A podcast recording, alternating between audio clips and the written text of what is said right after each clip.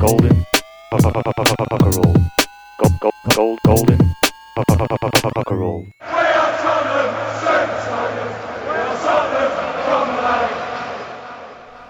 Du hører på Golden Cockrell. Det er Tottenham Sønners egen podkast. Som du finner på nedlasting for nedlasting i iTunes og på tottenhamhotspur.no. Dette er sesongens andre sending. Og um, nå har vi jo spilt uh, litt kamper og sånn sett har litt grunnlag for å snakke litt mer om, om prestasjonene og om, om det vi har sett, sett i laget så langt. Eh, I dag så har vi med eh, to eh, gjester. Gunhild, du har vært med før, men Petter Veland, velkommen til deg. Takk for det. Du er ny her i, i podkasten, og du har vi henta inn litt med tanke på spesialkompetanse, ja, kanskje om spansk fotball spesielt? Ja, de har jo enkelte spillere som har fortid i Spania, med både Fasi og, og Soldado, treneren ikke minst, så vi får se om vi kan bidra litt. Det håper vi, og tror vi på. Eh, Gunhild eh, Tollnes, velkommen til deg også. Takk for det. Du har jo vært med mange ganger før. Nå har du, eh, som mange vet, fått en ny jobb, så nå finner vi deg her hos Seymour. Det gjør vi også med Petter, da, for øvrig, som er kommentator her og, og fotballekspert. En annen Petter har vi også med. Det er den mer kjente stemmen til Petter Frydenlund. Hei. Velkommen til deg også. Jeg vet ikke om vi nevnte det forrige gang, men du ble jo kåret til årets supporter i 2013-2014. Så det er jo stort, det, at du, du er her. ja, det er sikkert, sikkert fått mange andre forespørsler. ja, nei, jeg prioriterer Golden Cocker veldig hardt, eh, må, må si det. altså. Ja. Har det vært et annet liv etter den utmerkelsen? Etter? Det har vært uh, Det har vært, uh, det har vært mye, mye, ja. mye trøkk. Men det går bra. altså Jeg skal få tid til å, tid til å bli med i det. Ja. Det er bra. Så heter jeg Hans Marius Jacobsen. Eh, vi setter i gang med en runde rundt bordet og um, skal ta for oss eh, opptur og nedtur den siste måneden. Og da tenker jeg spør Gunhild først, ja, hva du eh, Ja, du kan jo velge opptur eller nedtur. Begynne med opptur. og da tror jeg egentlig at jeg ville starte med um, åpningsmatchen, som var borte mot Westham. Vi får en spiller utvist etter 30 minutter eller noe sånt. Ja. Og klarer likevel å dra i land eh, tre poeng. Det er jo et lag vi tapte mot så det sang i fjor, begge, begge oppgjørene. Tre kan du faktisk. Ja, det, men ja, korrekt. I serien snakker man da. Men eh, jeg syns bare det viste en veldig god moral. Sto på hele veien og fikk det vi fortjente på slutten av kampen, eller på overtid. Så, så det var en veldig, veldig fin måte å starte sesongen på. Nedtur, da vil jeg trekke fram valget av kaptein som jeg stusser litt med der. Kabul ble kaptein, og visekaptein Loris og eh, Adebayor. Jeg hadde håpa at Hugo Loris ble kaptein. Mm. Det skal vi snakke mer om senere, så du kan kanskje utdype litt eh, kritikken i det etterpå. Og så går vi videre til Petter.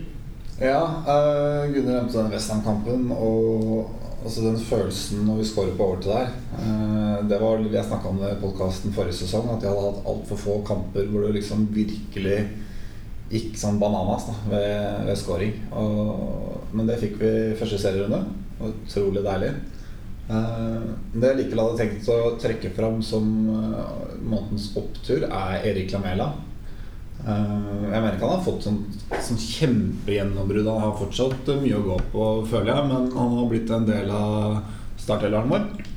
Han ble henta for uh, over 25 millioner pund i, i, fjor sommer og var jo Ja, han var jo ikke noen steder. Han var jo skada, man hørte ingenting. Og når han spilte, så gikk det, ble han dytta bort og fungerte ikke i det hele tatt. Og nå, nå, ser vi en, nå ser vi hva de penga var verdt, da. At jeg, jeg, tror han kommer til å få en kjempegod sesong. Mm. Så var det månedens nedtur. Ja. Eh, da vil jeg faktisk trekke fram eh, den, eh, det som Tottenham la fram på hjemmesidene sine, om at klubben bekrefter at de må flytte fra White Hart Lane i en sesong for å bygge ny stadion. Og det som er favoritten, stadion som blir trukket fram som mest sannsynlig nå, er Milton Keanes sin stadion. Som er ganske langt fra London. Det er den ene siden ved det. Så det er klønete beliggenhet. Både Både for de som reiser fra, fra Nord-London, og selvfølgelig også for oss nordmenn som skal over. Og det, er, det føles ikke bra.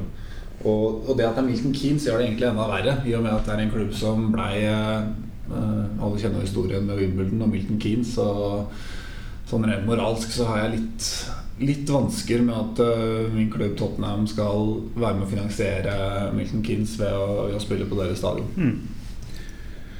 Det, det, er ikke Man skal ikke bare bagatellisere den reise den reisekostnaden som det utgjør for engelskmenn. Det er mange som har snakket om det på, i forum spesielt. Og mm, det at mange kanskje ikke har råd heller til å reise på kamp, da, at det faktisk utgjør en såpass forskjell, det er jo mm. Ja, det er betenkelig. Eh, jeg skal mm, runde av den eh, innledningsrunden her med å ta min opptur først. Og Da velger jeg å dra fram Eric Dyer, som jeg syns har eh, i hvert fall starta veldig bra de første kampene. Og kan man si han ble dytta ut på, på høyrebekken og kanskje Kanskje vi har sett der i de siste matchene at han ikke er helt komfortabel med det, men jeg syns likevel vi ser en veldig god en god spiller. Og en, jeg tror en spiller som vi får mye glede av. Det sa jo også Frode Lia sist. Mm. Eh, til, egentlig til min overraskelse. Jeg trodde ikke vi kom til å se han så raskt inn i laget. Men jeg syns han har gjort en veldig god figur, og det er veldig morsomt å se så unge spillere gå inn og gjøre en gå inn og gjøre så gode prestasjoner. Da. Ellers så vil jeg trekke fram uh, som en nedtur um, det som jeg mener kanskje viser seg å bli et lite spissproblem i klubben. Vi visste jo det allerede før sesongstart, eller i hvert fall når vinduet stengte og vi ikke hadde skaffet oss en ny spiss, at det kom til å bli litt problematisk med de vi har tilgjengelig. Vi skal kanskje komme litt inn på det senere i sendingen også, med, med Soldado. Men uh, jeg syns uh, vi ser det i Sunderland-kampen, vi ser det i uh, Europaligakampen uh, nå i går. At vi, vi sliter med å, med å, skape noe på topp. Da har vi sliter med å omsette sjansene våre. Så det syns jeg er litt Ja, det er litt betenkelig um, innenfor resten av, av sesongen. Gold, gold, gold, golden Ok, Vi skal over på, um, på sendingens uh, hovedpunkt uh, i denne, denne, denne, runden. Og det skal handle om de nye signeringene våre. Um, Federico Fasio og um, Benjamin Stamboli kom inn på de siste dagene av transfervinduet. Og dette er spillere som uh, De har riktignok vært, vært linket en liten periode før de ble kjøpt, men jeg er ganske sikker på at ikke så mange kjenner de veldig inngående. Og lurer litt på hva de kan, um, kan tilføre laget. Eh, vi så begge to i aksjonen i, i, går. Vi sitter her jo da, som, eh, som dere skjønner, på fredag, dagen etter vi har spilt mot, eh, mot Partisan i Europaligaen. Eh, men bortsett fra det så så har i hvert fall ikke jeg så veldig mye kjennskap til disse gutta da, og lurer litt på, på hva, de, hva, de, tilfører. Og Petter, der er du fin å ha. Ja, i hvert fall på Fasio, som, eh, som, har spilt eh, er det sju sesonger. Han vel har vært i, i Sevilla, ble henta litt tidlig fra, fra argentinsk fotball. Mm. Alltid blir sett på som et stort stoppertalent, som en framtidig landslagsspiller. Eh, men så sleit han litt med skader de første sesongene og var veldig mye inn og ut av laget. Så han fikk på mange måter ikke etablert navnet sitt. Han hadde òg tøff konkurranse med, med Dragutinovic og, og SKD, som var, som var, veldig gode de første sesongene der han var der. Eh, de forsøkte òg å, å finne en annen plass i laget for han som sentral midtbanespiller. Eh, men der, der, hadde han ikke mm, ballbehandling som var god nok til, til å ha den type rollen. Men han er, en, uh, han er en fysisk pakke som, uh, som en jo bare ser ved det blotte øyet. Men uh, han, han, er òg den typen som, som, kan gå foran som et eksempel og virkelig egentlig få fansen med seg for å få den stemninga på tribunen med å hive seg inn det, det trenger vi jo Hive seg inn i duellene med huet først, ja. uten å være redd for å miste både ei tann og fire. Ja. Så det er en type som, som til tross for å ha hatt egentlig tre-fire sånn halvveis sesonger i Sevilla. Eh, klarte likevel å få fansen med seg. Eh, I sånne tilfeller så blir det gjerne en, en type hakkekylling som nesten uansett hvor god han blir, eh, blir litt sånn eh, sett litt ned på av fansen fordi han ikke var god umiddelbart. Men med den innstillinga og ikke minst med de kvalitetene som han eh, etter hvert viste seg å hadde, så ble han jo en stor favoritt eh, blant fansen og var eh, helt avgjørende sammen med Ivan Rakitic for at Sevilla vant Europaligaen forrige sesong. Mm. Jeg tenker jo litt på salget av Sandro når jeg hører Petter si det han sier nå. For Sandro var jo en type spiller som kunne klinke til med sugende taklinger og, og fyre fansen. fansen Mm. Ja. på stadion. Det er interessant, det. Og det, det salget som for veldig mange var overraskende og ikke minst veldig trist, da, eh, førte til at det er ikke så mange sånne igjen i Tottenham. Nei, Men kanskje vi har en, eh, en ny en her? som det høres veldig lovende ut. Mm. Jeg lurer litt på en ting, for vi henta jo Det var linka til denne Musacchio. Uh, fra var spansk fotball gjennom store deler av sommeren. Og jeg husker jeg leste en del om han og var veldig ble begeistra.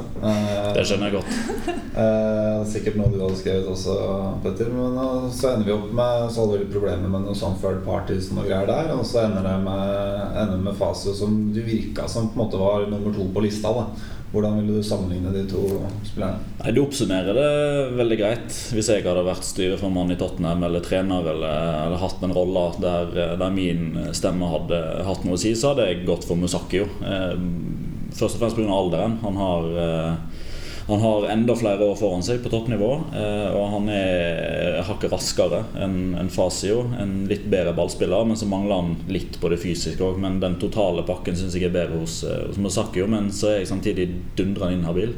For jeg er Villarreal-supporter. Eh, Så eh, det kan hende at jeg er noe farga der. Spesielt med at han, eh, han er jo en type som så, altså han, han kunne gått til Barcelona sommeren 2012. Han valgte å bli med ned i Segunda i stedet og spilte de opp som visekaptein. Så han har et ekstra spesiell plass i, i, i hjertene til, eh, til oss få Villarreal-supportere her i Norge. Eh, Men eh, jeg håper å si, det, det er ikke pest eller kolera. Det, det er et luksusproblem når Tottenham får lov til å ja, kalle det velge da, mellom Fasi og Mosakio. Det er ikke um, Det at han er nummer to på den lista, betyr ikke at han ikke er en god fotballspiller. For det er han.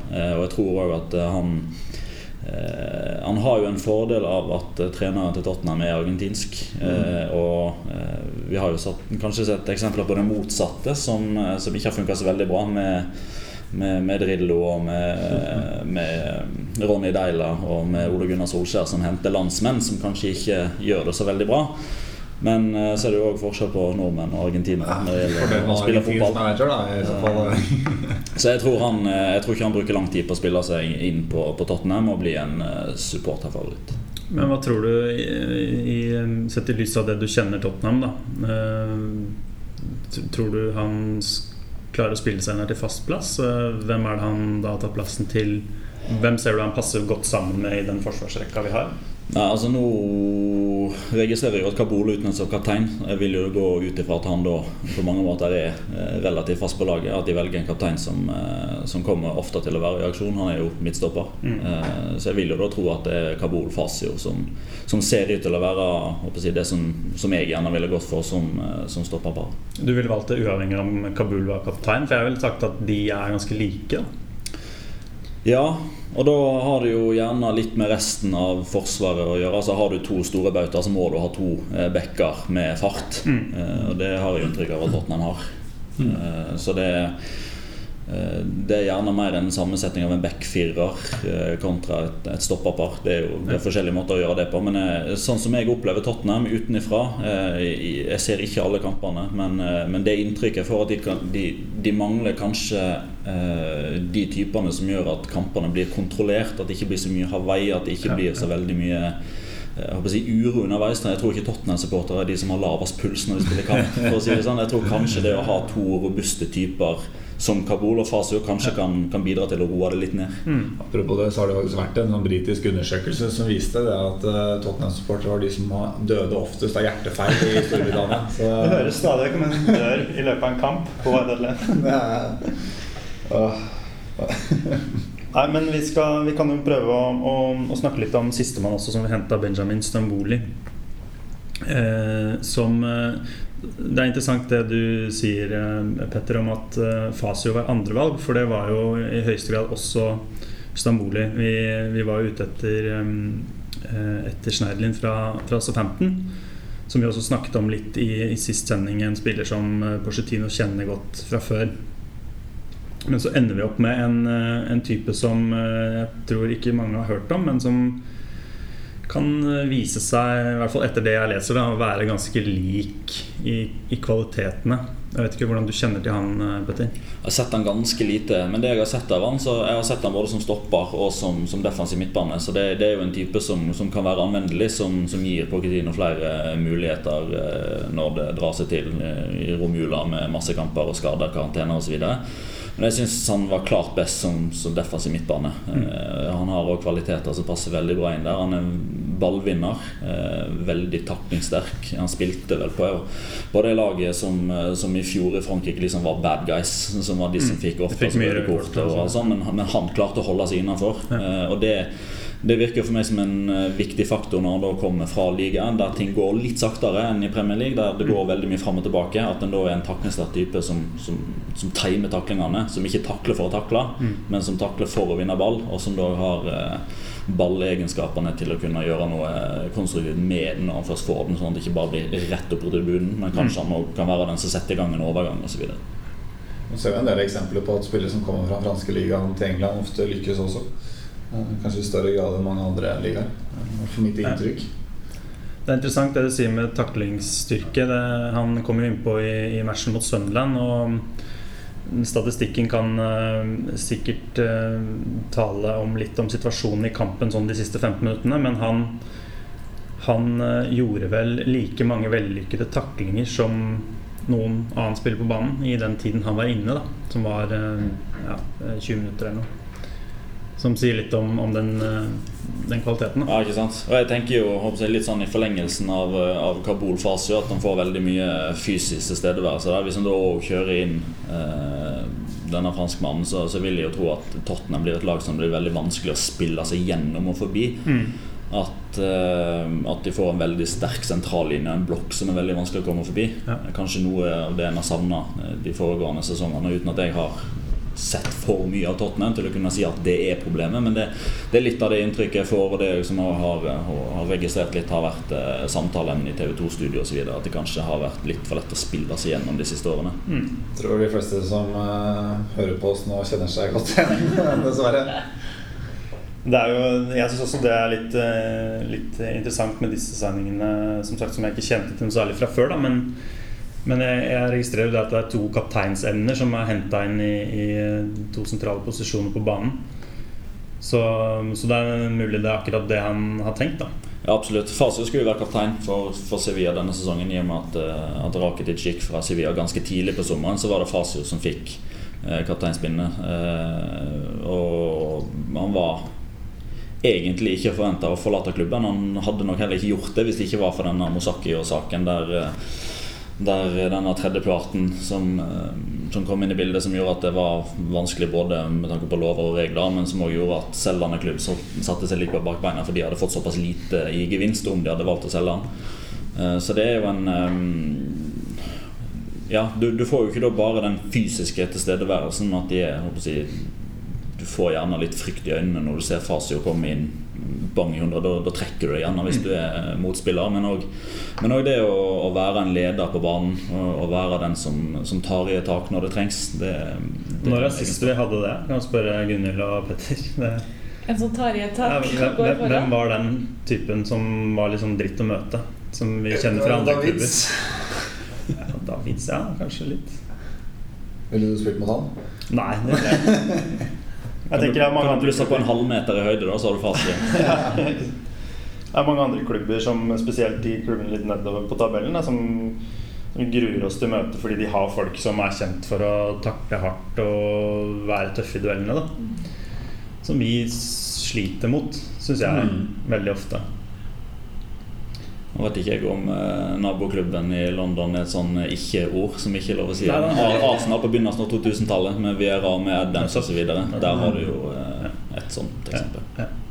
Det er noe vi har snakka om i mange år, at vi har savna en sånn, sånn type. Og så følte vi jo mange av oss at Sandro ga oss det. da.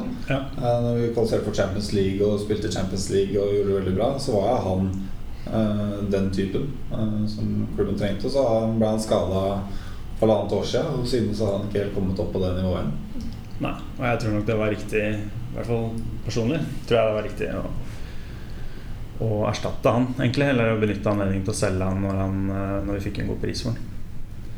Så kan man diskutere. Jeg tror det er mange som blir sinte på deg nå for at du sier det. Andreas. tror nok ja, med sikkert delte meninger om det, men eh, jeg tror nok du får et alternativ i Stamboli som kan i hvert fall um, Som du kan benytte mer, da. Eh, hvordan tror vi disse spillerne passer inn i Porcettinos stil? Nå snakket vi om den i siste podkast, som ganske sånn um, karakteristisk. Eller man vet hvordan han vil spille, da. Og så kan man jo si at han eh, kan godt hende han endrer den stilen litt fra det vi så i Southampton f.eks. til eh, Tottenham. Men, eh, men vi har allerede sett litt eh, signaler eller litt tegn på det at eh, em, presset er der, f.eks. Og, og det kollektive, kollektive presset spesielt. Så hvordan passer disse gutta inn eh, der?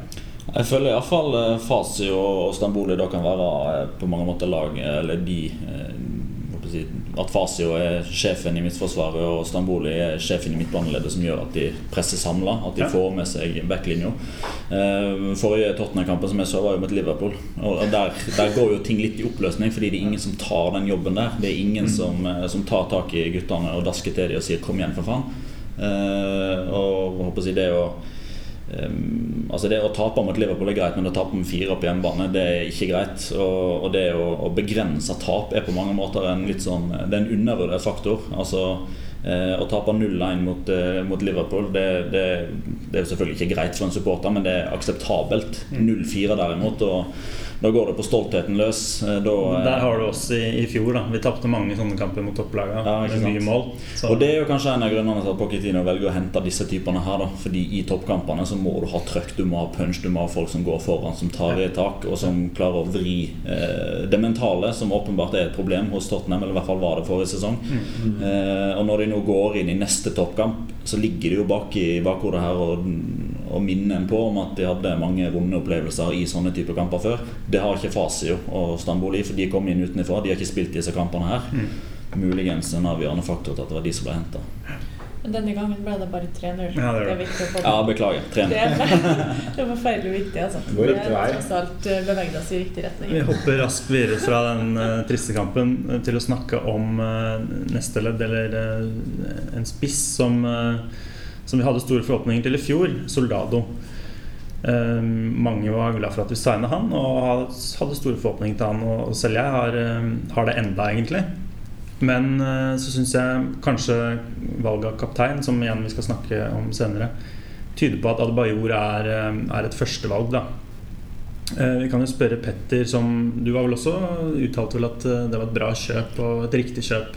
Ja, jeg var positiv. Jeg trodde han kom til å passe godt inn i den måten som Tottenham spilte fotball på forrige sesong. Mm. Eh, Så han får jo i likhet med ganske mange andre av de spillerne på laget der en sånn ny sjanse nå. På samme måte som Lamela, som, som ser ut til å ta vare på den. Mm. Eh, Fordelen sånn sett for Soldado denne sesongen kontra forrige er at det er jo en, en spansktalende trener. Eh, Nå var riktignok Villas Boas eh, portugisisk som som er litt sånn norsk-svensk, men det er liksom Det er ikke helt det samme. Eh, I tillegg så møtte han på utenomsportslig trøbbel. Han hadde jo problemer med å lære seg engelsk og gjøre seg forstått og bli forstått. eh, og forstå lagkameratene, og det går utover relasjoner på banen. Og så var det jo òg noe familietrøbbel med kona som aborterte, og som hadde det veldig vanskelig. og litt sånn. Eh, og Selvtillit er viktig for alle fotballspillere, men spesielt for spisser. Eh, det er jo eh, jeg håper å si, opplest og vedtatt eh, over ganske mange år nå at eh, spisser lever ånde av selvtillit.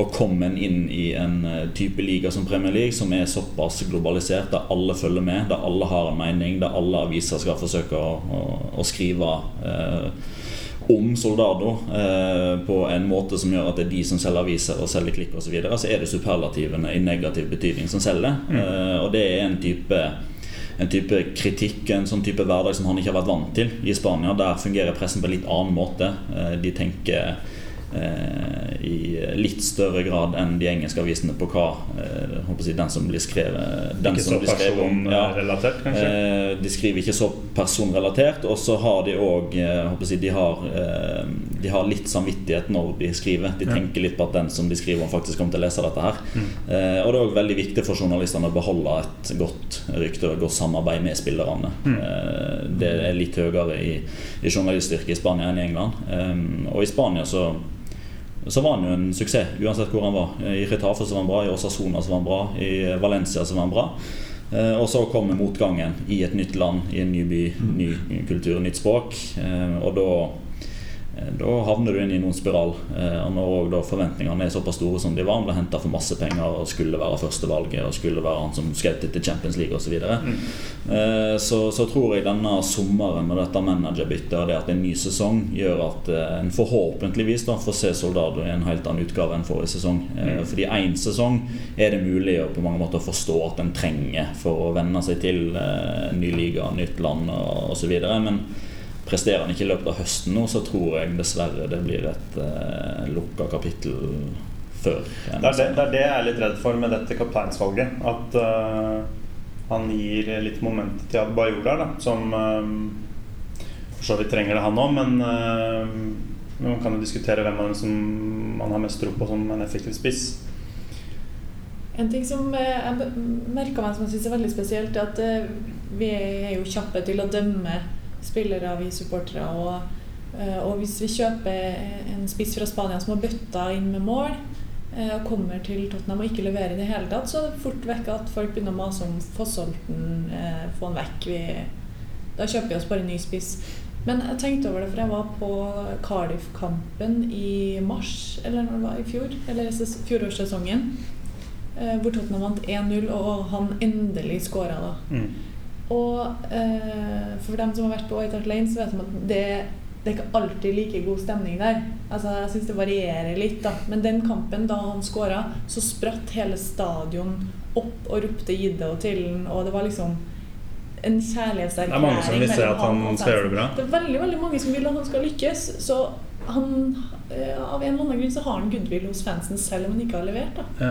Det er litt sånn paradoksalt uh, i og med at eh, jeg opplever at veldig mange unge spillere, unge sånn som Harry Kane f.eks., som eh, får veldig lite hvis han har én dårlig kamp, så er det folk på han med en gang og mener at han er udugelig og ikke god nok. Mm. Mens da Soldado som eh, kommer utenfra og kosta masse penger, av en eller annen merkelig grunn, så har akkurat Soldado ikke fått så mye tyn fra supportere. Mens en sånn local lad eh, som er, og, og, som er liksom ung og vokste opp i gåavstand fra White Hart Lane, han får masse dritt. Det er, det er litt merkelig. Ja. Jeg husker jeg diskuterte akkurat det med, med tyn mot Soldado med eh, TV 2s eh, ekspert Kasper Wikestad her til en sak i bladet tidligere. Han mente at kanskje litt av grunnen er at Soldado er og det her kan jo Petter kommentere etterpå, var ekstremt profesjonell og hardtarbeidende. Og gjennom hele sesongen så sutra han ikke. Vi så ikke de sakene i media hvor eh, hvor han var misfornøyd og etter hvert ikke fikk spille. og ehm, at det kanskje er med på å gjøre at man, man har så lyst til at man skal lykkes, når man Mm. ser at man jobber så hardt. da. Ja. Ja, han kommer fra et møblert hjem. Han, eh, jo, men det er sant. Han, eh, han kommer fra en, eh, en forholdsvis rik familie. Han har en far som jobber med eiendom. Eller han jobber med eiendom. Han fikk faktisk fyken når krakket kom i 2008. Eh, så da var det jo bra at eh, sønnen eh, slo igjennom og tjente grunker og kunne forsørge familien. Eh, mora er advokat. Eh, Sånn sett så er det jo litt paradoksalt at han ikke behersker engelsk. Fordi det er jo gjerne de rike familiene i Spania som først lar barna sine lære engelsk for å ha muligheter til å, til å ta steget ut fra Spania og, åpne en, en annen mulighet der. Men eh, han er som du sier, hardtarbeidende, profesjonell. Det har, eh, det har hengt ved han hele veien. Han har jo han er fostra opp i, i Real Madrid. Der eh, et av eh, jeg hovedfokusene ved siden av den fotballbiten er at de skal utdanne mennesker. At de skal være høflige, de skal ha respekt. De skal, eh, de skal jobbe hardt. Ting kommer ikke gratis. Og det tror jeg de, de skjønner med en gang de kommer inn i Real Madrid-akademiet. At skal de komme gjennom det ekstremt trange nåløyet på toppen der, så er ikke det unnasluntrerne som kommer seg gjennom. Det er de som virkelig er dedikerte. Man har jo i alderen som jobber mot den, da, som spiss, 29 år. Selvfølgelig han kan ha noen gode år, men med den prislappen så er det jo Lamela som var 21 når han ble henta. Det er lettere å, for min del så er det lettere å godta at han hadde en vanskelig første sesong enn Soldado, som da som Petter sa ble henta for å skyte Tottenham i Champions League. Mm. Men eh, hvordan, skal vi, hvordan skal Tottenham greie å, å bruke Soldado? Hvordan bruker man Soldado rett, da? Veldig direkte spillestil må han ha da for at han skal være sitt aller aller beste. Spille han gjennom i bakrom. Det, det er samtidig kanskje en, en litt sånn vanskelig eh, En vanskelig balansegang der når en har eh, si, den, den spillestilen som, som Tottenham har nå, med at en eh, ofte nok klarer å få de kreative spillerne bak Soldado rettvendt og få de til å slå stikkerne. Og det var jo, Han skåret jo over halvparten av målene sine alene med keeper. Og eventuelt innlegg fra, eh, fra dypet som, eh, som han kunne være rettvendt mot. Han er ikke spesielt god feilvendt. Eh, Han er ikke sånn Der har jo Adebayor fortrinnet med å være hakket større og sterkere og holde opp ballen og, og sørge for at laget kan komme seg opp ved å være en alenespiss. Forrige sesong så opplevde jeg veldig ofte at han var feil, akkurat nettopp feilvendt. Og det var mye av, litt av problemet. De hadde en del brukbare flikker og hadde litt sånn småpent spill. Han ble jo Jeg kan knapt huske å ha sett han alene med keeper en eneste gang i Tottenham, tror jeg. Nei, det, det målet mot Cardiff var litt sånn, men det ja. Det er jo også noe som, som han Frode Lia var eh, inne på i sist podkast, at eh, han vil ha spissene til å jobbe som det første pressleddet. Og der passer kanskje ikke Soldado inn, men kan han læres til den jobben? Ja, alle kan læres til den jobben. Eh, De siste årene så har jo jeg falt mer og mer for Atletico Madrid med tanke på hva de har utretta. Det er jo eh, uten å spore for mye av fra, fra Tottenham, men det mirakelet som de holder på å, å skape og, og, og forme videre i, i Spania, det har de gjort med, med bortimot den samme elveren som var nummer tolv i La Liga når Diego Simone kom inn. Det første han lærte de, det var pressledd. At førstemann er førstemann, altså høyeste mann i banen. Eh, og Diego Costa har jo blitt eh, en verdensklassespiss utelukkende pga. Diego Simione. Og han ble lært til akkurat det som Soldado da kanskje trengs å læres. Så Det er håp. er Ja, det er håp. Der er det håp. Det er godt å høre. Men eh, Nå har ikke jeg full kontroll på banestørrelsen til Milton Keynes, men eh, White Hart Lane er jo forholdsvis liten, har jeg inntrykk av. I hvert fall det inntrykket jeg får av, eh, Ja. av eh, er- TV-kamera. Det er jo selvfølgelig innenfor Uefa-rammene, og da, da er han jo forholdsvis lang. Men hvis du får en enda større bane i Milton Keynes, så er det litt mer bakrom for soldater. Så beholder han til dere flytter.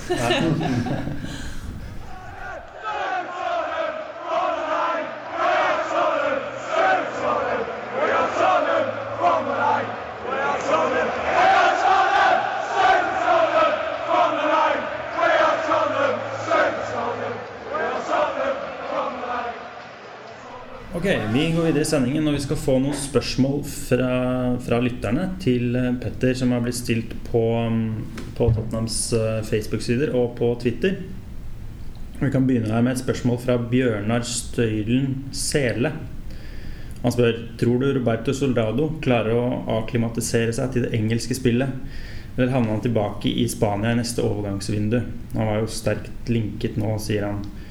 Eh, vi har sett i Spania hvilket talent han er, men, eh, men noe annet enn straffeekspert har han blitt i Tottenham.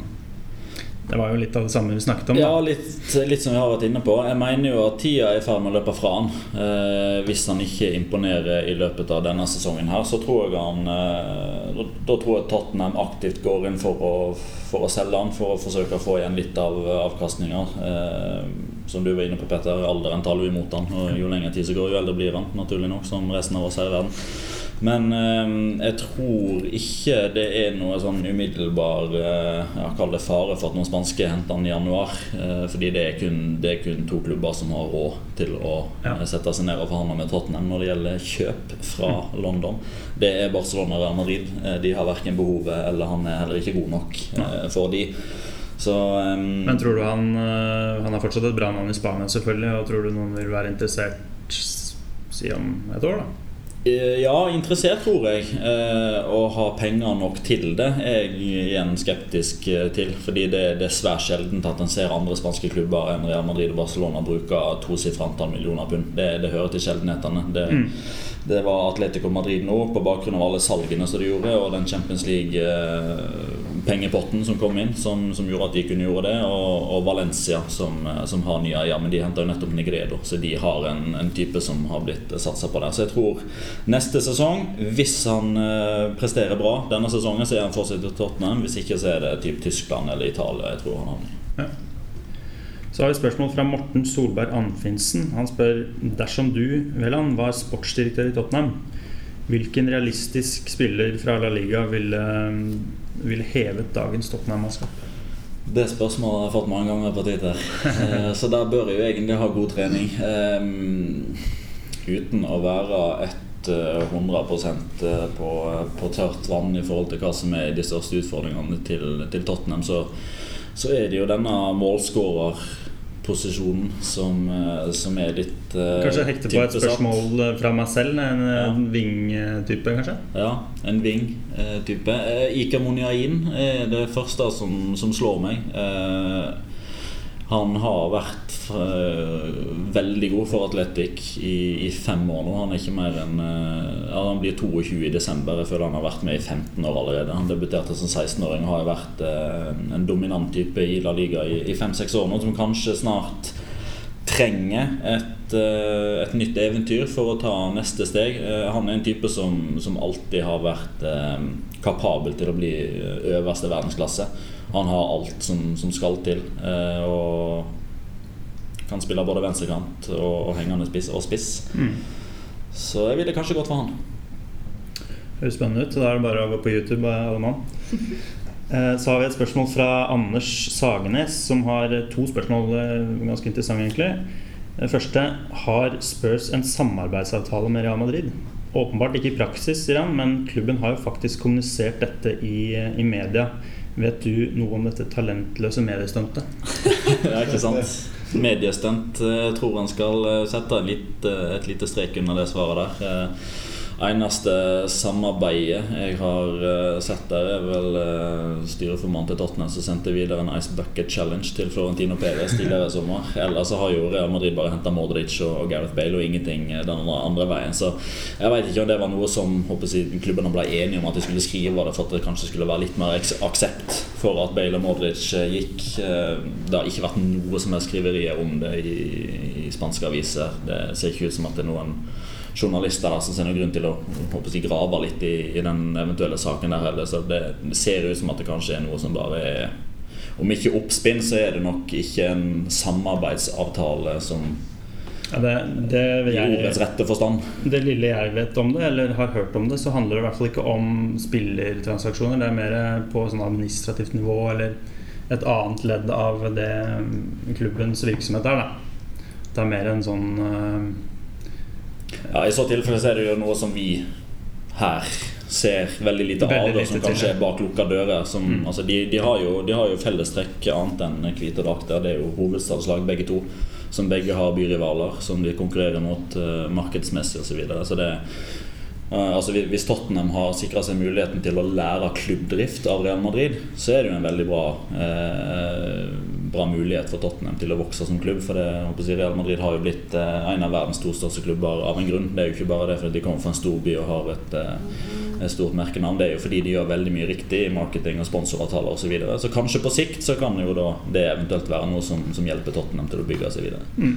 Hvis det var sånn at det var en PR-strategi, så var det i så fall utrolig dårlig PR-strategi eh, sånn ut fra hvordan supportere reagerer, i hvert fall. For når da de henter våre to beste spillere og Øzil går til Arsenal, så blir det jo bare sitt masse Det blir mye skapt mye irritasjon egentlig blant supportere, er min, eh, min opplevelse av det. Så Det har vel til en viss grad vært mislykka uansett hva det egentlig er det denne avtalen går ut på. Fordi det har jo vært veldig lite, som du sier, Petter. Det har ikke vært noe eh, skriverier om det. Og vi som fans har heller ikke hørt noe om hva, hva det faktisk er. Så ja. Det virker jo litt uh, talentløst, som, som uh, lytteren sier her selv.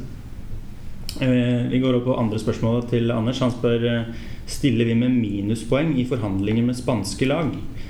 Han begrunner dette med at ryktene til, vil ha til at flere episoder med Sevilla, Rwanda Ramos, Sokora eh, med flere, har satt sitt stempel på Spurs og Levi, som gjør det vanskelig for oss. Jeg tror ikke nødvendigvis det er de Altså de sakene der gjør at de har et betent forhold til Sevilla, som jo eh, gjorde det lille de kunne for å forsinke overgangen til Fasi og, og, og sitte litt på gjerdet og skrike i etterkant av at de eh, at de trigga ut kjøpsklausulen til, til Fasio, eller fikk han til å gjøre det. Men eh, altså, jeg tror inntrykket mitt av spanske klubber sine forhandlinger med Tottenham er at eh, engelske klubber er rike. Altså Det er ikke bare Tottenham det her gjelder, men egentlig alle engelske klubber. Det er liksom, det er baksida å være rik. Alle vet at de har masse penger. Eh, Så hvis Tottenham eh, kommer på forhandlingsbordet og sier vi kan strekke oss til det og det beløpet, så sitter spanske eh, sportsdirektører og presidenter med sigaretten i hånda og sier det der er bare tull. Vi har sett på regnskapet deres, dere har masse mer å gi. Eh, og dermed så vil det automatisk eh, være sånn i forhandlinger at selgende klubb forsøker å få så, veldig, eller få så mye som mulig, mens kjøpende klubb eh, prøver å spille litt, eh, litt fattig og sier at de ikke har så mye å, å komme med. Og da når, eh, når TV-avtalen er som den er i Premier League, når inntekten er som de er, når interessen er som de er, så, så stiller engelske klubber med et, eh, med et lite handikap i eh, forhandlinger. Og det er jo òg en av grunnene til at pengegaloppen har skutt i været, da spesielt pga. Eh, de engelske klubbene sin, sin pengebruk. Men det, det er en dynamikk med at de lagene fra andre serier som ikke får like mye, de, de beskytter seg litt. Altså, jeg Skal de miste spillerne sine, så skal de i hvert fall få litt igjen for det. I hvert fall når kjøperne i utgangspunktet er veldig betalingsdyktig. Så jeg tror ikke, det, jeg tror ikke den, eh, den isfronten med Sevilla etter, etter Socora og Fasi og Juan de Ramos osv. er en medvirkende årsak til at andre spanske klubber er litt vanskelig å forhandle med. Det er mer den generelle eh, Kall det misunnelsen på at de engelske klubbene er så rike. Mm. Vi takker eh, lytterne våre for eh, spørsmål og oppfordrer absolutt eh, til å komme med flere i neste sending. Vi skal ha litt mer informasjon på slutten av sendingen hvordan dere kommer i kontakt med oss.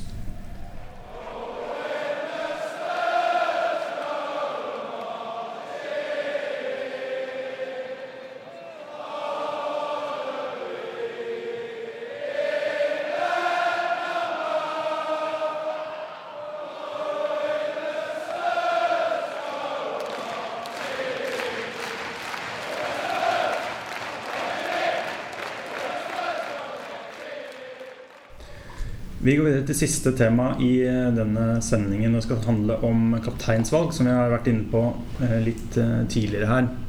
Denne uka så ble det jo klart at Jon Skabol er vår første kaptein, med visekapteiner Adebayor og Lori. Og det var jo mange som ble overraska ved det valget. Jeg ble det selv. Dere andre ble det sikkert også. Litt, for, litt fordi vi tenker at dette signaliserer et eller annet om eh, om eh, en, fast plass på laget. Da. I hvert fall tenker vi det i Kabul sin situasjon, at det kanskje er litt problematisk med tanke på at han eh, han ikke har vært så stabil i forhold til skader og sånn, og han har absolutt ikke vært like god som han var for et par år siden. Men ja, Gunhild, hvordan ser du på, på situasjonen der? Jeg ble litt uh, overraska og ikke noe vondt om eh, Kabul. Han er sikkert en strålende fyr. Han virker jo stødig og eh, Og som en fyr som eh, det er ikke noe tull med, da. Jeg oppfatter ham som skikkelig. Men eh, som jeg sa tidligere, jeg hadde veldig veldig håpa på Hugo Lori. Eh, og så vet jeg at det er mange som er veldig imot å ha keeper som eh, kaptein, og kanskje passer ikke det inn i måten eh, Pochettino vil spille på. Mm. Han trenger en som er ute på banen, som kan rope og kommandere i mye større grad enn en keeper kan nå frem. Men eh, Kabul, jeg forstår det ikke helt. Forferdelig variabel. Eh, ikke en stopper som jeg trodde kanskje vi kom til å satse på. Jeg var ikke sikker på at han skulle være en av de to faste engang. Og ikke bare det, han har jo en kontrakt som eh, går ut om Går ikke så veldig lenge. lenge. ut etter sesongen? Ja. Eh, og da ble det litt eh, mye på en gang. Men det tyder kanskje på at det er en ny kontrakt i emning der, da. Mulig. Eh, Petter, hva tenker du kreves av en kaptein?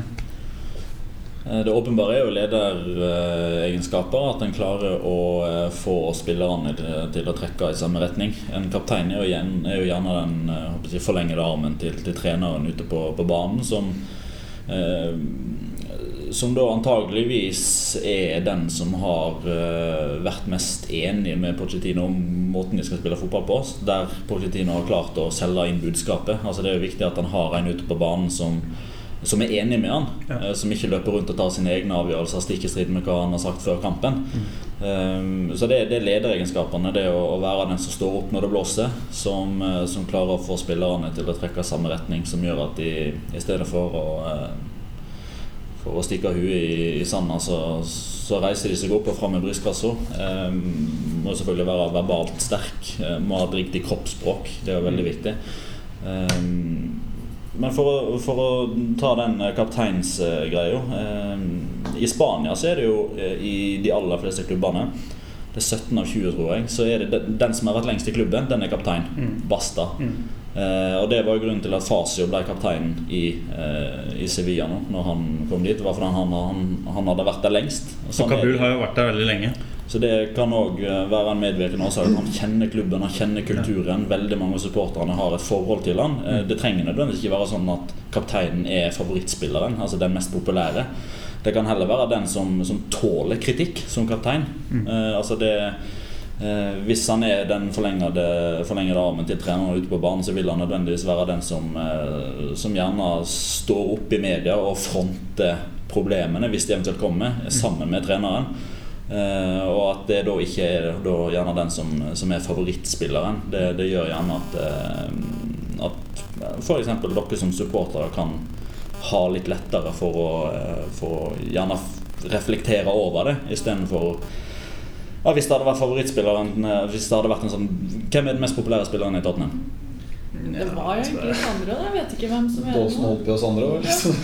Ja, la, oss, la oss si at det var en av Lamela er en sånn type nå. ja, ikke sant? La oss si at Hvis Lamela var kaptein, så hadde det kanskje vært eh, lettere for han å forsvare overfor fansen hvorfor ting er som det er. Men da hadde gjerne fansen bare si, slukt det eh, og tatt det for god fisk. Fordi Lamela er en kul fyr, han må vi stole på. Mens eh, hvis det er Kabul som sier det, han på mange måter er en, en spiller som fansen har litt sånn eh, om ikke dårlig forhold, men som, som i hvert fall ikke er en, en favoritt, som jeg får inntrykk av, av Gunhild her, så, så, så skaper det gjerne litt mer debatt, som gjør at klubben får litt mer svar fra fansen på hva, hva de egentlig tenker rundt det. Det skaper en debatt, det gjør at det, det kommer mer fram i lyset hva supporterne ønsker, kontra at det blir en sånn greit, vi hører på kapteinen for vi liker han, og så lar vi det bare passere, og så blir ikke problemet løst. Litt av problemet her er nok at eh, mange mener at Akabol ikke er god nok til å starte for Tottenham. Ja. og at, det, at han ble valgt som kaptein symboliserer at eh, han antageligvis kommer til å starte de aller fleste kampene. Uh, hvorav mange av supporterne kanskje helst skulle ønska seg Fertongen og Fasio. Så var det også vært mye rykter om at grunnen til at det venta med denne kapteinkunngjøringen, var jo at uh, Fertongen skulle ta en ny kontrakt, og så bli presentert som kaptein. Mm. Uh, For vi må ikke glemme at Fartongen var jo kaptein i Ajax. Uh, Og mange så for seg kanskje at det kom til å bli han. Uh, Så jeg tror det er litt av grunnen til at det var en del som var skuffa over valget med Kabul. Så må jeg jo si, eh, i motsetning til Gunhild og Petter her, så er ikke jeg journalist, men jeg har jo intervjua en del eh, Tottenham-spillere på Tottenhams venner. Og det, det, det dårligste intervjuet jeg noen har gjort, det var med Jonas eh, Kabul. Eh, Det varte Det var riktignok sju-åtte år siden. Han var helt ny engelsk fotball. på den tida. Så vi får, vi får huske på det. Men da hadde vi en, eh, en tolk eh, til stede. Og jeg hadde dratt på reportasjetur til, eh, til England for å intervjue en spiller og fikk ikke vite hvem det skulle være før jeg plutselig sto på treningsfeltet. Og fikk vite at det var Kabul, og at det skulle skje med tolk. Og jeg tror jeg kom tilbake med omtrent en notis av den opplevelsen her. Men eh, som sagt så er det mange år siden, og han var eh, ung og helt ny, ny i landet. Men det det er interessant at uttalte seg på pressekonferansen før den partisankampen, hvor han fikk dette spørsmålet. da, og Han sa at eh, han leser ikke så mye i mediene, og han er ikke så veldig interessert i hva andre utenfor klubben syns om akkurat dette valget. Og at eh, eh, han velger den spilleren som er riktig, som han føler er riktig totalt sett. Da. Og at det har ikke nødvendigvis bare noe med eh, med den kvaliteten, den direkte kvaliteten kanskje, da, men hvordan han ja, lederegenskaper i gruppa og litt sånn kjennskap til klubben og sånn. Så det er nok riktig mye av det du sier. Det, det høres ut som det stemmer godt med det valget han eh, Eller den begrunnelsen han har, har for valget, da. Og vi kan jo gjerne være misfornøyde, men når Pochettino sitter og sier det du nettopp sa nå, og sier at jeg er inne i klubben, det er som leder dette Ja. laget, som ser spillerne hver eneste dag, og jeg tar valget, så må jo vi altså ha respekt for at eh, selvfølgelig vet jo han det best. Men det var jo det som på en måte kanskje gjorde at det vippa litt over, var jo det visekapteinvalget med Nettopp. med Adebayor. Fordi du sitter og nevner, eh, Petter, at eh, lederegenskap er enormt viktig for en kaptein, og det er det jo. Men en annen ting som jeg også syns er veldig viktig, er at du er en lagspiller. Du, du, du har en sånn samlende eh, evne. Og Adebayor for meg er det motsatte. Altså, eh, alle Jeg hørte et eh, intervju var det vel med Hugo Lloris som klubben hadde gjort, som fikk spørsmål om hvem er den eh, mest morsomme i garderoben. Og så svarte han Adebayor med en gang. Og han har helt sikkert veldig mye å bidra med der. Humør, eh, skape stemning. Men så fort han er misfornøyd med noe, mm. det har vi sett i alle klubbene han har vært i, så skrur han av. Og så tar han med seg gjerne litt flere òg. Så tar han med seg flere. Og, så, og da, da tror jeg ikke han har én tanke i hodet om at nå må jeg legge bort mine eh, ting jeg er misfornøyd med, og i hvert fall jobbe 90 minutter eh, hver eneste helg da, Mm. spille kamp. Altså, jeg må håpe, håpe at Pochettino tenker litt at, eh, at han vil vokse med det ansvaret. Det er Ja, for det ansvaret har du ikke hatt før. Ja, Ikke sant? Det er første gang han får det ansvaret. Har vi noe troa på at Adebayor i en alder av hvor gammel er han? 30. 30 eller noe sånt? Skal plutselig Ikke han. Jo, kanskje. Vi kan jo sjekke her. Men eh, skal plutselig endre Nei, er- karakter. Jeg, Det er litt interessant, i hvert fall eh, i lys av det vi vet fra i fjor, med, eller forrige sesong, da, med, med Viersbo, altså hvordan forholdet var da. Det er jo det. Hvor vanlig er det egentlig å ha to visekapteiner i tillegg til en til kaptein? Er ikke det ganske uvanlig? Eh, Det er vel gjerne litt forskjellig fra klubb til klubb, vil jeg tro. Eh, I Spania så er ikke det uvanlig å ha fire kapteiner. Altså En første kaptein en viser en Ja. tredje kaptein, en fjerde kaptein. Barcelona har det blant annet forrige sesong med Valdez, Xavi, Iniesta og Messi. Vi ser jo nødvendigheten av det bare på kampen i går, da, hvor to av dem ikke var med i troppen. ikke sant? norske landslaget har jo- har eh, også to visekapteiner. Okay. Men vi har jo en del kapteins altså, Vi har en del spillere som tidligere har vært kaptein i andre klubber. Mm. Eh, Fasio som nevnt. Eh, Stamboli var også kaptein i Montpellier. Eh, Fartongen i Ajax. Jeg lurer på om Soldado også var det i Valencia. Eh, Det var han ikke. Nei. Men det er i hvert fall opptil flere spillere da, på laget. Nesten en halv eh, elver som har vært kaptein i sin tidligere klubb. Ja, jeg tenker da Det viktigste er jo at Pochettino velger den han mener er best ut ifra de alternativene han har, eh, kontra det å føle at eh, jeg, si, jeg har en spillergruppe på 29 mann. 28 av de ikke egnet til, til å være kaptein. Kabul kan funke, så jeg velger Kabul.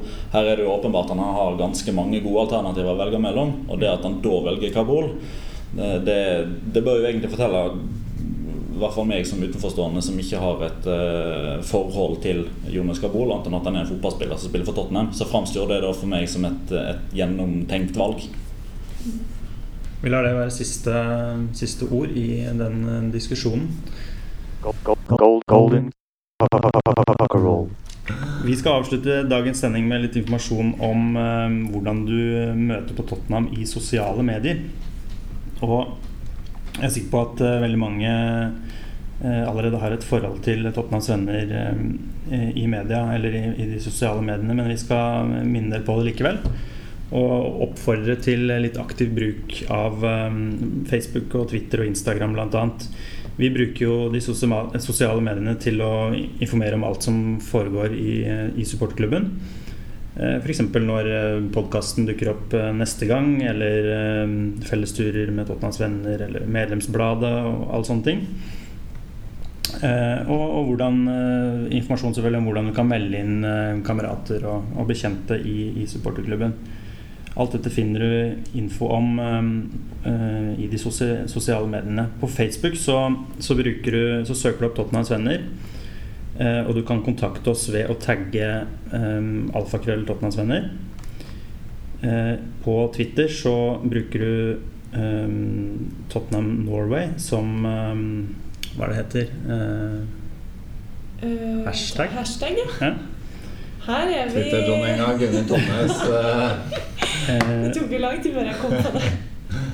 er på, ja, på Twitter bruker du hashtag coisnor, eh, NOR, eller alfakrøll Tottenham eh, Norway. Er det riktig? Ja, dette var vi gode på. Ja, det er helt riktig. Um, Det er som du skjønner, ikke vi som sitter her, som er ansvarlig for uh, Tottenhams venner Vi sin opplyse Twitter-konto. Dette er veldig enkelt. Alderen til Hans Marius er for øvrig 82 år. Instagram er det samme. Der bruker du uh, hashtag coisnor eller alfakrøll Tottenham Norway. Og eh, husk også å sjekke mm, tottenhamhotspur.no eh, for eh, nyheter om, om Tottenhams venner. Og sist, men ikke minst, skal vi si at vi selvfølgelig finnes på iTunes, så du kan søke opp podkasten der. Og du kan også, om du vil, kontakte oss på podkast at tottenhamhotspur.no.